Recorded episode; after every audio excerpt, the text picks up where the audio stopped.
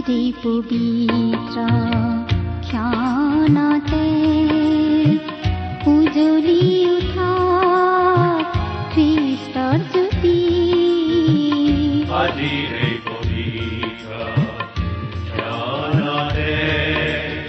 ভক্তিবচন অনুষ্ঠানৰ মজিয়ালৈ আপোনাক স্বাগতম প্ৰিয় শ্ৰোতা।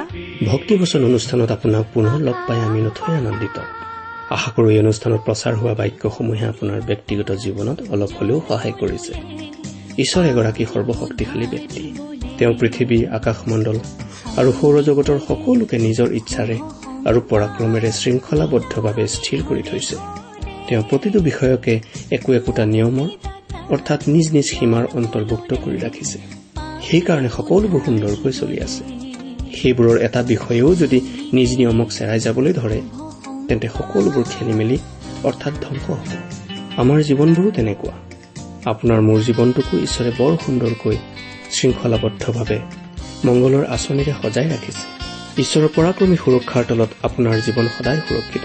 তেওঁত আশ্ৰয় ললে আপুনি জীৱনৰ প্ৰকৃত আনন্দ বিচাৰি পাব।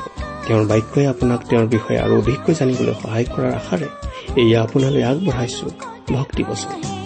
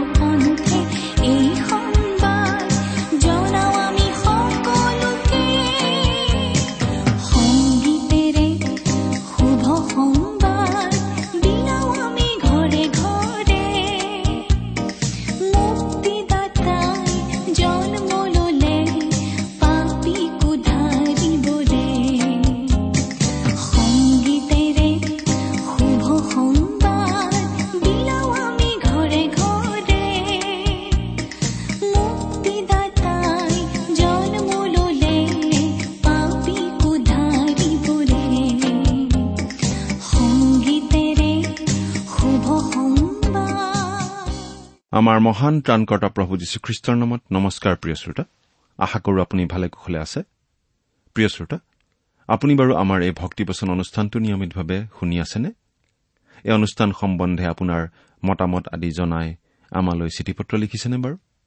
অনুগ্ৰহ কৰি আজি এই দুখাৰিমান লিখি পঠিয়াবচোন। আহকচোন আজিৰ বাইবেল অধ্যয়ন আৰম্ভ কৰাৰ আগতে খন্তেক প্ৰাৰ্থনাত মূৰ দুৱাওঁ। আমি প্ৰাৰ্থনা কৰো। স্বৰ্গত থকা অসীম দয়ালু কৰোণাময় পিতা তোমাৰ তুলনা নাই তোমাৰ প্ৰেম তোমাৰ কৰুণা তোমাৰ অনুগ্ৰহৰ কথা আমি বৰ্ণনা কৰি শেষ কৰিব নোৱাৰো। প্ৰভু যীশুৰ যোগেদি তুমি আমালৈ যি অনুগ্ৰহ দেখুৱালা তাৰ বাবে তোমাক অশেষ ধন্যবাদ পিতা। এতিয়া আমি তোমাৰ মহান বাক্য বাইবেল শাস্ত্ৰ অধ্যয়ন কৰিবলৈ আগবাঢ়িছো। তোমাৰ বাক্য তুমিয়েই আমাক বুজাই দিয়া। এই অনুষ্ঠানৰ আৰম্ভণিৰ পৰা শেষলৈকে তুমিয়েই আমাৰ চলাওঁতা হোৱা। অনুষ্ঠান শুনি থকা প্ৰতিজন শ্ৰোতাৰ জীৱনত তোমাৰ মহান অনুগ্ৰহৰ আশীৰ্বাদ প্ৰকাশ পাই উঠিবলৈ দিয়া। কিয়নো এই প্ৰাৰ্থনা আমাৰ মহান ত্ৰাণকৰ্তা প্ৰভু যীশুখ্ৰীষ্টৰ নামত আগবঢ়াইছো। আহমেন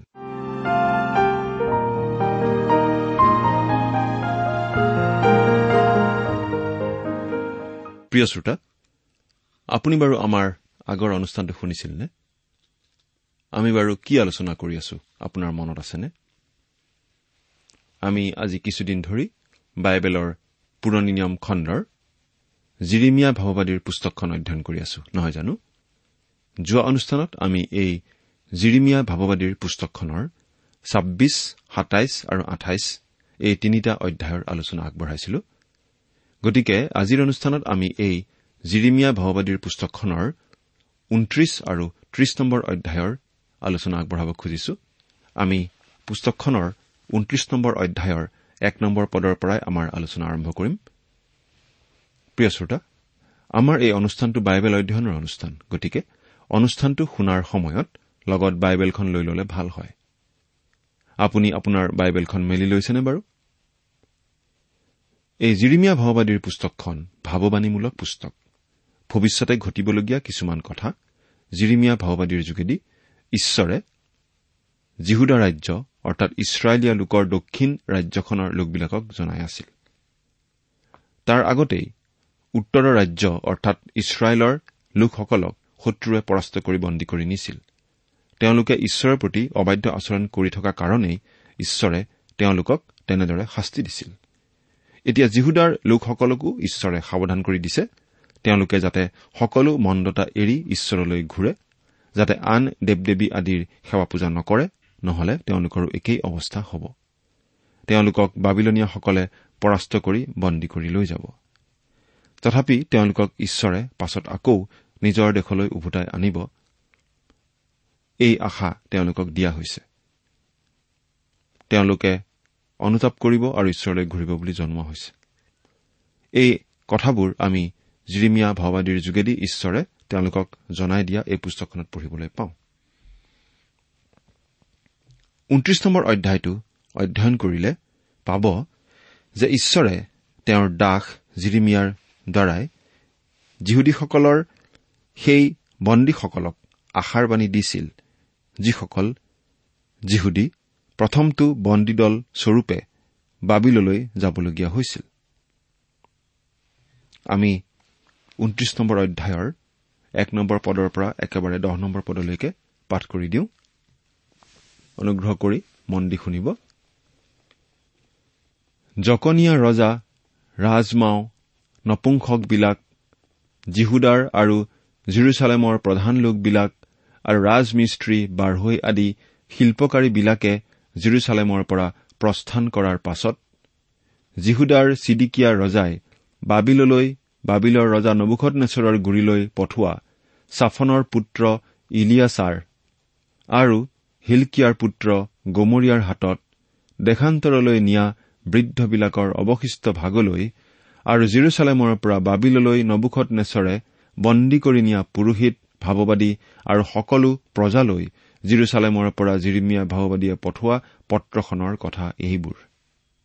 মই জিৰচালেমৰ পৰা বাবিললৈ বন্দী কৰি নিওৱা সকলো দেশান্তৰিত লোকক ইছৰাইলৰ ঈশ্বৰ বাহিনীবিলাকৰ জিহুৱাই এইদৰে কৈছে। তোমালোকে ঘৰ সাজি তাত বাস কৰা আৰু বাৰী পাতি তাৰ ফল ভোগ কৰা। বিয়া কৰি ল'ৰা ছোৱালী জন্ম দিয়া আৰু ল'ৰা ছোৱালী জন্মিবৰ নিমিত্তে তেওঁলোকৰ ল'ৰাবিলাকলৈ ছোৱালী আনা। আৰু তোমালোকৰ জীয়েৰাহঁতক বিয়া দিয়া এইদৰে তোমালোক তাত কম নহৈ বাঢ়ি যোৱা। আৰু মই তোমালোকক বন্দী কৰি নিওৱা নগৰৰ শান্তিলৈ চেষ্টা কৰা।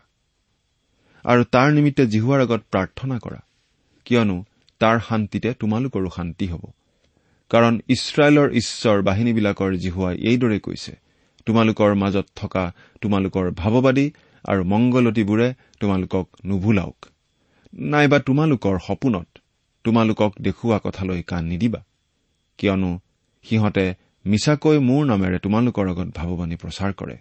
জিহুৱাই কৈছে মই সিহঁতক পঠোৱা নাই।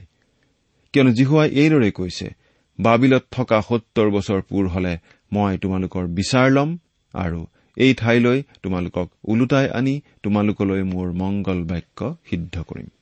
জিহুৱাখীন ৰজাৰ দিনত বন্দী হৈ যোৱা এই বন্দী যিহুদীসকললৈ আহাৰ বাণীৰে লিখা জিৰিমিয়াৰ পত্ৰৰ কথা আমি দ্বিতীয় ৰজাৱলী চৌব্বিছ নম্বৰ অধ্যায়ৰ দহ নম্বৰ পদৰ পৰা ষোল্ল নম্বৰ পদত পাওঁ। তাৰ এঘাৰ বছৰৰ পাছত জিহুদাৰ শেষৰটো দল বন্দিয়াৰ ৰূপে বন্দী হৈ বাবিললৈ যাবলগীয়া হৈছিল। এই বিষয়ে আমি পঢ়িবলৈ পাওঁ দ্বিতীয় ৰজাৱলী পঁচিছ নম্বৰ অধ্যায়ৰ একৰ পৰা সাত নম্বৰ পদ। পাঠ কৰি দিছো।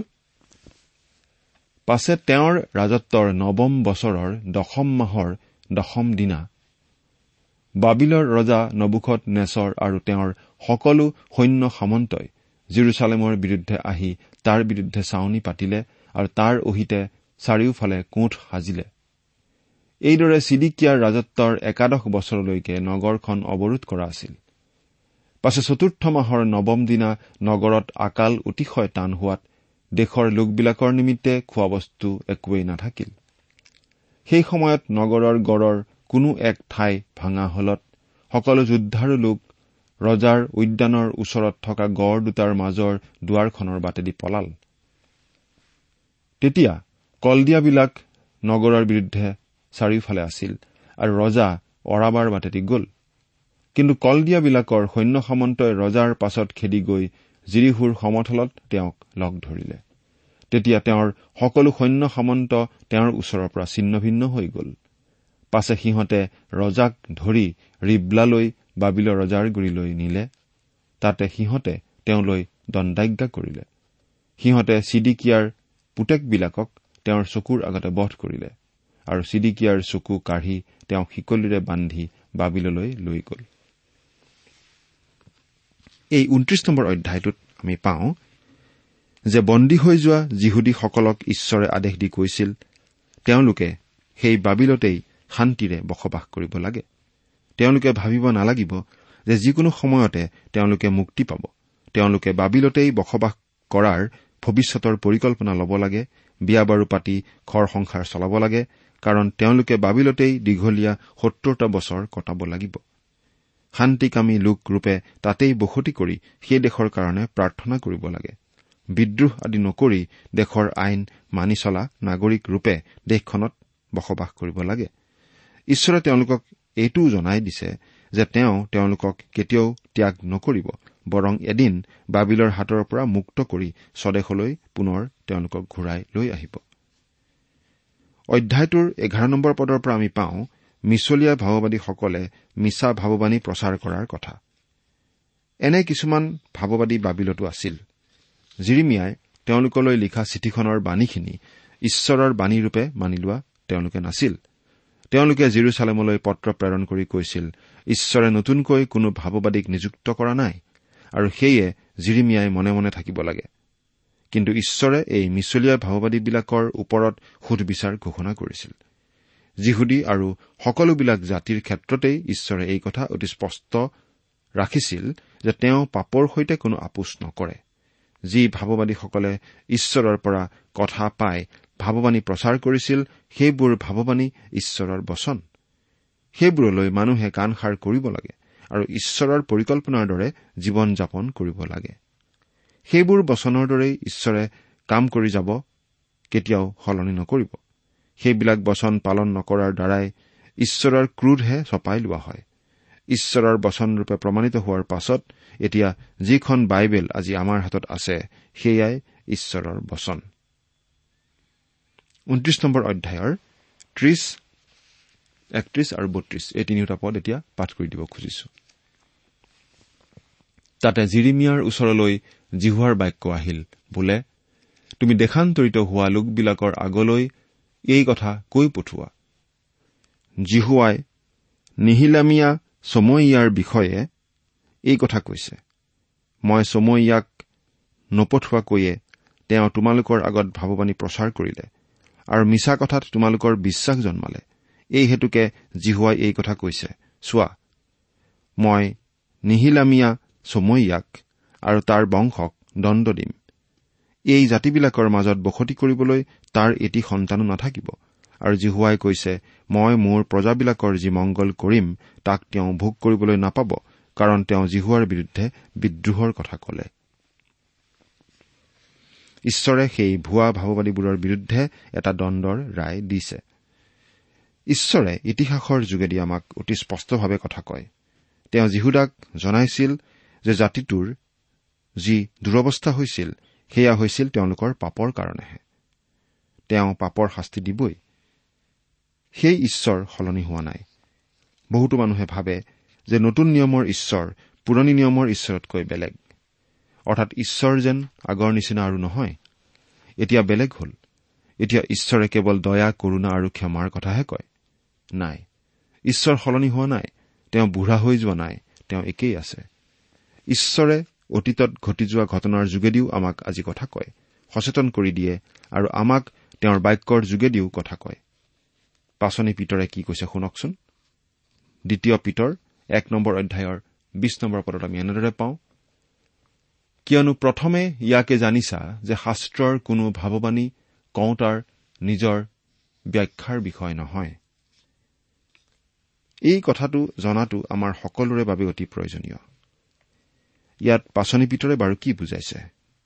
তেওঁ বুজাইছে যে ভাৱবাণী মানুহে নিজে বনাই নকয় ঈশ্বৰৰ পৰাহে আহে। বাইবেল শাস্ত্ৰৰ কোনো কথা মানুহে নিজে বনাই বা নিজে ব্যাখ্যা কৰি লিখা নাই। অতীতত মানুহে কিবা দেখি কিবা বুজি তাকেই বাইবেলত লিখা নাই। তেওঁলোকক ঈশ্বৰে যি কবলৈ কয় তাকেই কৈছিল আৰু যি লিখিবলৈ কৈছিল তাকেই লিখিছিল। আমি যেতিয়া ঈশ্বৰৰ বাক্য পঢ়িবলৈ আগবাঢ়ো আমি একেবাৰে নগণ্য ধূলিকণাৰ নিচিনা হৈ আহিব লাগে। আমি যে পাপী আমি ঈশ্বৰৰ দৃষ্টিত ধূলিকণা মাত্ৰ সেইটো আমি মানি ল'ব লাগিব আৰু আমাৰ নিজৰ মত নিজৰ ধাৰণা আদিও মাটিত মিলাই দিব লাগিব। আৰু ঈশ্বৰে যি কয় সেইটোহে গ্ৰহণ কৰিবলৈ সাজু থাকিব লাগিব। জিৰিমিয়াৰ দিনৰ পুৰোহিত ভাওবাদীসকলে কিন্তু তেনে কৰিবলৈ সাজু নাছিল। আজিও আমাৰ এইটোৱেই সমস্যা।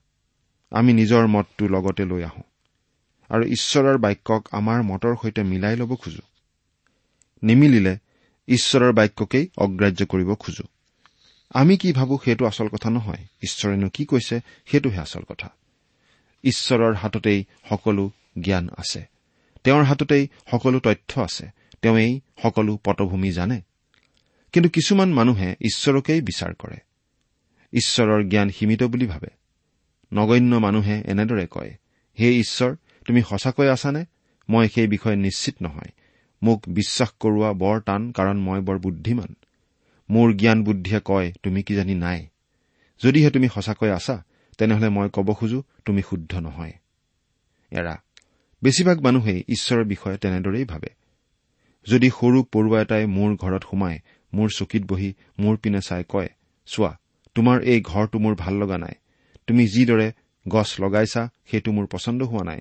তুমি যেনেকৈ খোৱা সেইটো মোৰ ভাল নালাগে। তেতিয়া আমি বাৰু কি কৰিম? চকীৰ পৰা পৰুৱাটো চিটিকাই দি ভৰিৰে মোহাৰি নেপেলামনে? কিন্তু ঈশ্বৰে আমাক তেনেকুৱা কৰা নাই কাৰণ তেওঁ অনুগ্ৰহশীল। মানুহে তেওঁৰ প্ৰতি অৱহেলাৰ ভাৱ প্ৰদৰ্শন কৰি থকা সত্বেও তেওঁ মানুহক মন পালটন কৰি তেওঁলৈ ঘূৰি অহাৰ সুবিধা দি আছে। এতিয়া ত্ৰিশ নম্বৰ অধ্যায়টোত আমি পুনৰ মহাক্লেশৰ কথা পাওঁ। মহাক্লেশটো এটা প্ৰধান ভাৱবাণী এইদৰে ত্ৰিশ নম্বৰ অধ্যায়ৰ পৰা ধৰি একেবাৰে ঊনচল্লিছ নম্বৰ অধ্যায়লৈকে ইছৰাইল জাতিটোৰ বাবে তেওঁলোকৰ ভৱিষ্যত জীৱনৰ বিষয়ে ভাৱবাণী আমি পঢ়িবলৈ পাওঁ। এই ভাৱবাণীবিলাক জিৰিমিয়াৰ পৰা জিহুদালৈ আহিছিল। জিহুদাৰ লোকবিলাকলৈ আহিছিল। এই কালচোৱাত যে তেওঁলোকলৈ কোনো অংগীকাৰৰ বাণী অহা নাছিল সেইটো সঁচা কথা নহয়। কিন্তু তেওঁলোকৰ অবাধ্যতাৰ কাৰণেই তেওঁলোকে জীৱনৰ আটাইতকৈ অন্ধকাৰময় সময়ৰ মাজেৰে চলিবলগীয়া হৈছিল। এহাতে মিছলীয়া ভাৱবাদী হননিয়াই ঘোষণা কৰিছিল যে বাবিলৰ নবুখত নেচৰ ৰজাৰ ৰাজত্বৰ জুৱলি ভাঙি পেলোৱা হ'ব। কিন্তু আনহাতে নবুখত নেচৰ ৰজাই জিৰচালেম নগৰৰ দেৱালৰ বাহিৰত প্ৰস্তুত হৈ ৰৈছিল জিৰচালেম নগৰখন আক্ৰমণ কৰিবলৈ। দুটা বছৰৰ ভিতৰতে নবুখত নেচৰ ৰজাৰ জুৱলি ভাঙি পেলোৱা হ'ব বুলি হননিয়াই মিছাকৈ ভাৱবাণী প্ৰচাৰ কৰাৰ সাত বছৰৰ পাছতো তেওঁ জিৰচালেম ধ্বংস কৰি জিহুদীসকলক বন্দী কৰি লৈ যাবলৈ প্ৰস্তুত। গেলাতে টেঙাৰ দৰে তেনে সংকটৰ সময়তে পাপিষ্ঠ মানুহবোৰে জিৰিমিয়াক ধৰি বন্দী কৰি ৰাখিছিল কাৰণ তেওঁলোক ঈশ্বৰৰ বাণী শুনাৰ পক্ষপাতি নাছিল। কিন্তু বন্দী অৱস্থাতো জিৰিমিয়াই তেওঁৰ ভাওবাণীৰ প্ৰবলতা কমাই দিয়া নাছিল। তেওঁ বন্দীশালত বন্ধ হৈ থাকিবলগীয়া হোৱাতে মৌখিকভাৱে ভাওবাণী ঘোষণা কৰিব নোৱাৰি এতিয়া বন্দীশালত ভাৱবাণীবোৰ লিখিবলৈ ঈশ্বৰৰ পৰা আদেশ পাইছিল। তেওঁৰ ভাৱবাণীৰ যোগেদি ঈশ্বৰ বিৰোধিতা কৰা জাতিটোৱে জানিছিল যে মিছলীয়া ভাওবাদীসকলে হাজাৰভাৱে শান্তিৰ কথা ঘোষণা কৰিলেও আচলতে কোনো ধৰণৰ কোনো শান্তি কতো নহ'ব। ঈশ্বৰৰ আন কেইজন ভাৱবাদীয়ে ঘোষণা কৰাৰ দৰে জিৰিমিয়ায়ো মহাক্লেশৰ কথা ঘোষণা কৰি কৈছিল যে ইছৰাইলে এতিয়া যি ক্লেশ ভোগ কৰিছে তাতকৈও বৰ ভয়ানক দুখ ক্লেশ তেওঁলোকৰ বাবে ৰৈ আছে আৰু তাৰ পাছতহে তেওঁলোকে প্ৰকৃত শান্তিৰ মুখ দেখা পাব। সেই ভয়ানক ক্লেশৰ পাছতহে তেওঁলোক সকলোৱেই প্ৰকৃত অৰ্থত স্বদেশলৈ প্ৰত্যাৱৰ্তন কৰিব।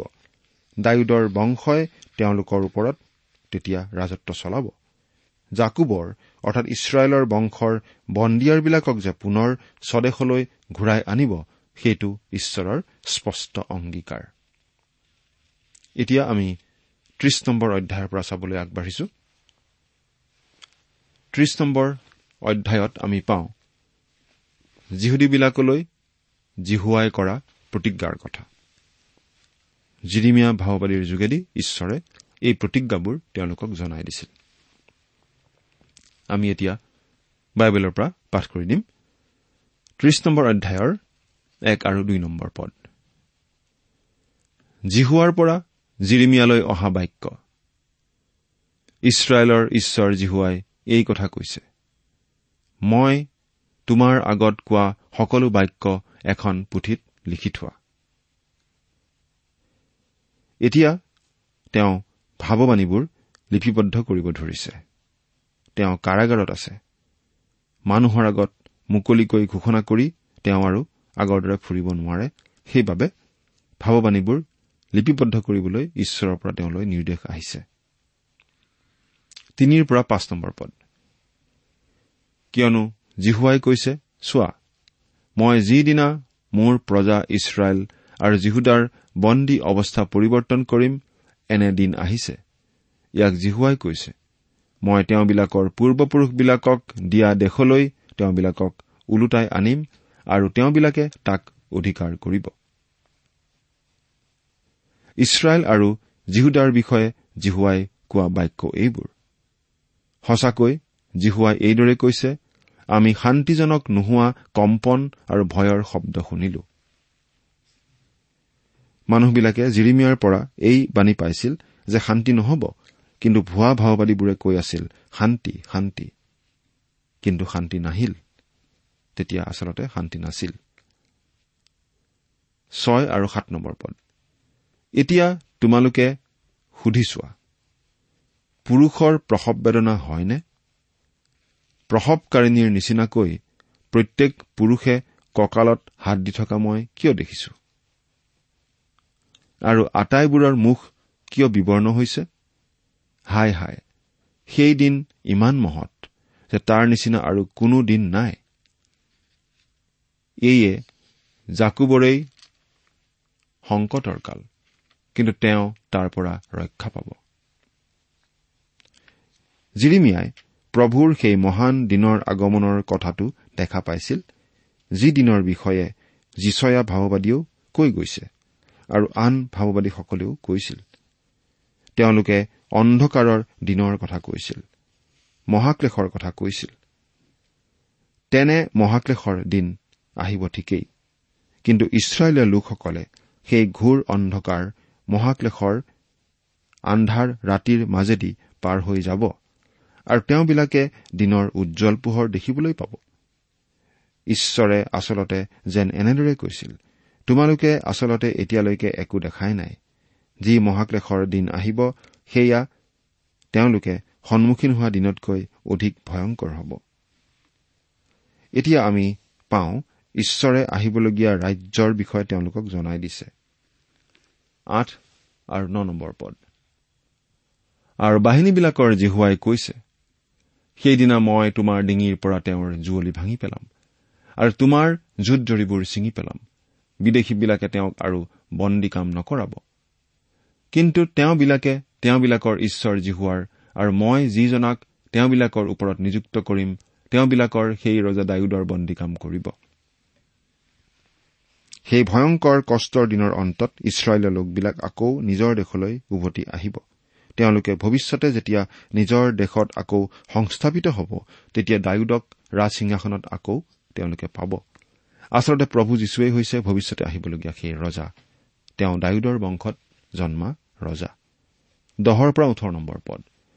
এই হেতুকে জিহুৱাই কৈছে হে মোৰ দাস জাকুব ভয় নকৰিবা। হে ইছৰাইল ব্যাকুল নহবা কিয়নো চোৱা মই দূৰৰ পৰা তোমাক আৰু বন্দী অৱস্থাত থকা দেশৰ পৰা তোমাক নিস্তাৰ কৰিম। তাতে জাকুব ঘূৰি আহি নিৰ্ভয় আৰু নিশ্চিন্ত হৈ থাকিব কোনেও তেওঁক ভয় নেদেখুৱাব। কিয়নো জিহুৱাই কৈছে তোমাক ৰক্ষা কৰিবলৈ তোমাৰ লগত আছো। কাৰণ মই যি জাতিৰ মাজলৈ তোমাক ছিন্ন ভিন্ন কৰিলো সেই আটাই জাতিক মই নিঃশেষে সংহাৰ কৰিলেও তোমাক নিঃশেষে সংহাৰ নকৰিম। কিন্তু তোমাক সুবিচাৰেৰে শাস্তি দিম তোমাক কোনোমতেই দণ্ড নিদিয়াকৈ নেৰো। এয়া ঈশ্বৰৰ এটা নিশ্চিত প্ৰতিজ্ঞা। এই ঘটনাবোৰনো কেতিয়া ঘটিব? ওঠৰ নম্বৰ পদ জিহুৱাই এই কথা কৈছে চোৱা মই জাকুবৰ তম্বুবোৰৰ বন্দী অৱস্থা পৰিৱৰ্তন কৰিম আৰু তেওঁৰ বাসস্থানবোৰলৈ কৃপা কৰিম আৰু নগৰখন নিজ উপ পৰ্বতৰ ওপৰত পুনৰাই সজা হ'ব। আৰু ৰাজগৃহত ৰীতিমতে মানুহৰ বসতি হ'ব আৰু সেইবোৰৰ পৰা স্তুতিগান আৰু আমোদকাৰীবিলাকৰ ধ্বনি উঠিব। মই তেওঁবিলাকক বৃদ্ধি কৰিম তাতে তেওঁবিলাক কম নহ'ব। মই তেওঁবিলাকক গৌৰৱযুক্তও কৰিম তাতে তেওঁবিলাক সামান্য নহ'ব। এয়া ভৱিষ্যতে ঘটিবলগীয়া এটা প্ৰতিজ্ঞা। ইয়াত ভৱিষ্যতে প্ৰভু যীশুৱে এই পৃথিৱীত স্থাপন কৰিবলগীয়া এহেজাৰ বছৰীয়া শাসনৰ কথা কোৱা হৈছে যি শাসনত ইছৰাইল জাতিয়ে পাবলগীয়া সেই গৌৰৱ শান্তি আনন্দৰ দিন পাব। প্ৰিয় শ্ৰোতা আপুনি বাৰু তেনেকুৱা গৌৰৱ শান্তি আনন্দৰ বাবে অপেক্ষা কৰি আছেনে? প্ৰভু যীশুত বিশ্বাস স্থাপন কৰি আমি সেই গৌৰৱময় দিনলৈ অপেক্ষা কৰিব পাৰো। ঈশ্বৰে আপোনাক আশীৰ্বাদ কৰক। প্ৰিয় শ্ৰোতা ইমান পৰে আপুনি বাইবেল শাস্ত্ৰৰ পৰা ঈশ্বৰৰ বাক্য শুনিলে। এই বিষয়ে আপোনাৰ মতামত জানিবলৈ পালে আমি নথৈ আনন্দিত হ'ম। আমি প্ৰস্তুত কৰা বাইবেল অধ্যয়নৰ চিডিসমূহ পাব বিচাৰিলে আৰু অনুষ্ঠানত প্ৰচাৰ কৰা কোনো কথা বুজিব লগা থাকিলেও আমালৈ লিখক। আমাৰ যোগাযোগৰ ঠিকনা ভক্তিবচন ট্ৰান্সৱৰ্ল্ড ৰেডিঅ' ইণ্ডিয়া ডাক বাকচ নম্বৰ সাত শূন্য গুৱাহাটী সাত আঠ এক শূন্য শূন্য এক। ঠিকনাটো আকৌ এবাৰ কৈছো ভক্তিবচন ট্ৰান্সৱৰ্ল্ড ৰেডিঅ' ইণ্ডিয়া ডাক বাকচ নম্বৰ সাত শূন্য গুৱাহাটী সাত আঠ এক শূন্য শূন্য এক। আমাৰ ইমেইল এড্ৰেছটো হৈছে Assamese T TV at the rate radio' eight eight two dot com. আমাৰ website W W W dot T W R dot in. আপুনি টেলিফোনৰ মাধ্যমেৰেও আমাক যোগাযোগ কৰিব পাৰে। আমাৰ টেলিফোন নম্বৰটো হৈছে nine eight five four zero' four zero' eight eight nine. Phone নম্বৰটো আকৌ এবাৰ কৈছো ন আঠ পাঁচ চাৰি শূন্য চাৰি শূন্য আঠ আঠ ন। আপুনি এই ভক্তিবচন অনুষ্ঠানটি আমাৰ website W W W dot radio' eight eight two dot কমতো শুনিব পাৰিব। আজিৰ অনুষ্ঠানটি ইমানতেই সামৰিছো। ঈশ্বৰৰ শান্তি আৰু অনুগ্ৰহ আপোনাৰ লগত থাকক। ধন্যবাদ। তোমাৰ যিচুৰ বাদে কোনো নাই।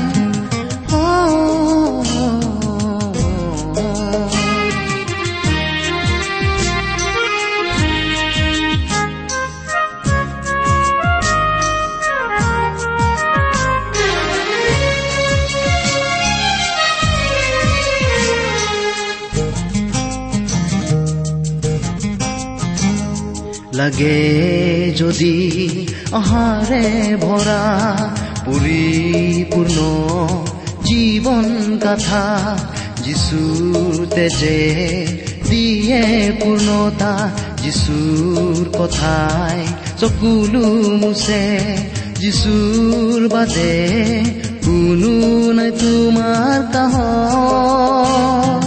মনেৰে তুমি ভাবিছানে? কোনো নাই কুতুমৰ কতো নাই জগতৰ যিচুৰ বাদে কোনো নাই। কোনো নাই কতো মোৰ কতো নাই জগতৰ যিচুৰ বাদে কোনো নাই। যিচুৰ বাদে কোনো নাই। যিশুৰ বাদে কোনো নাই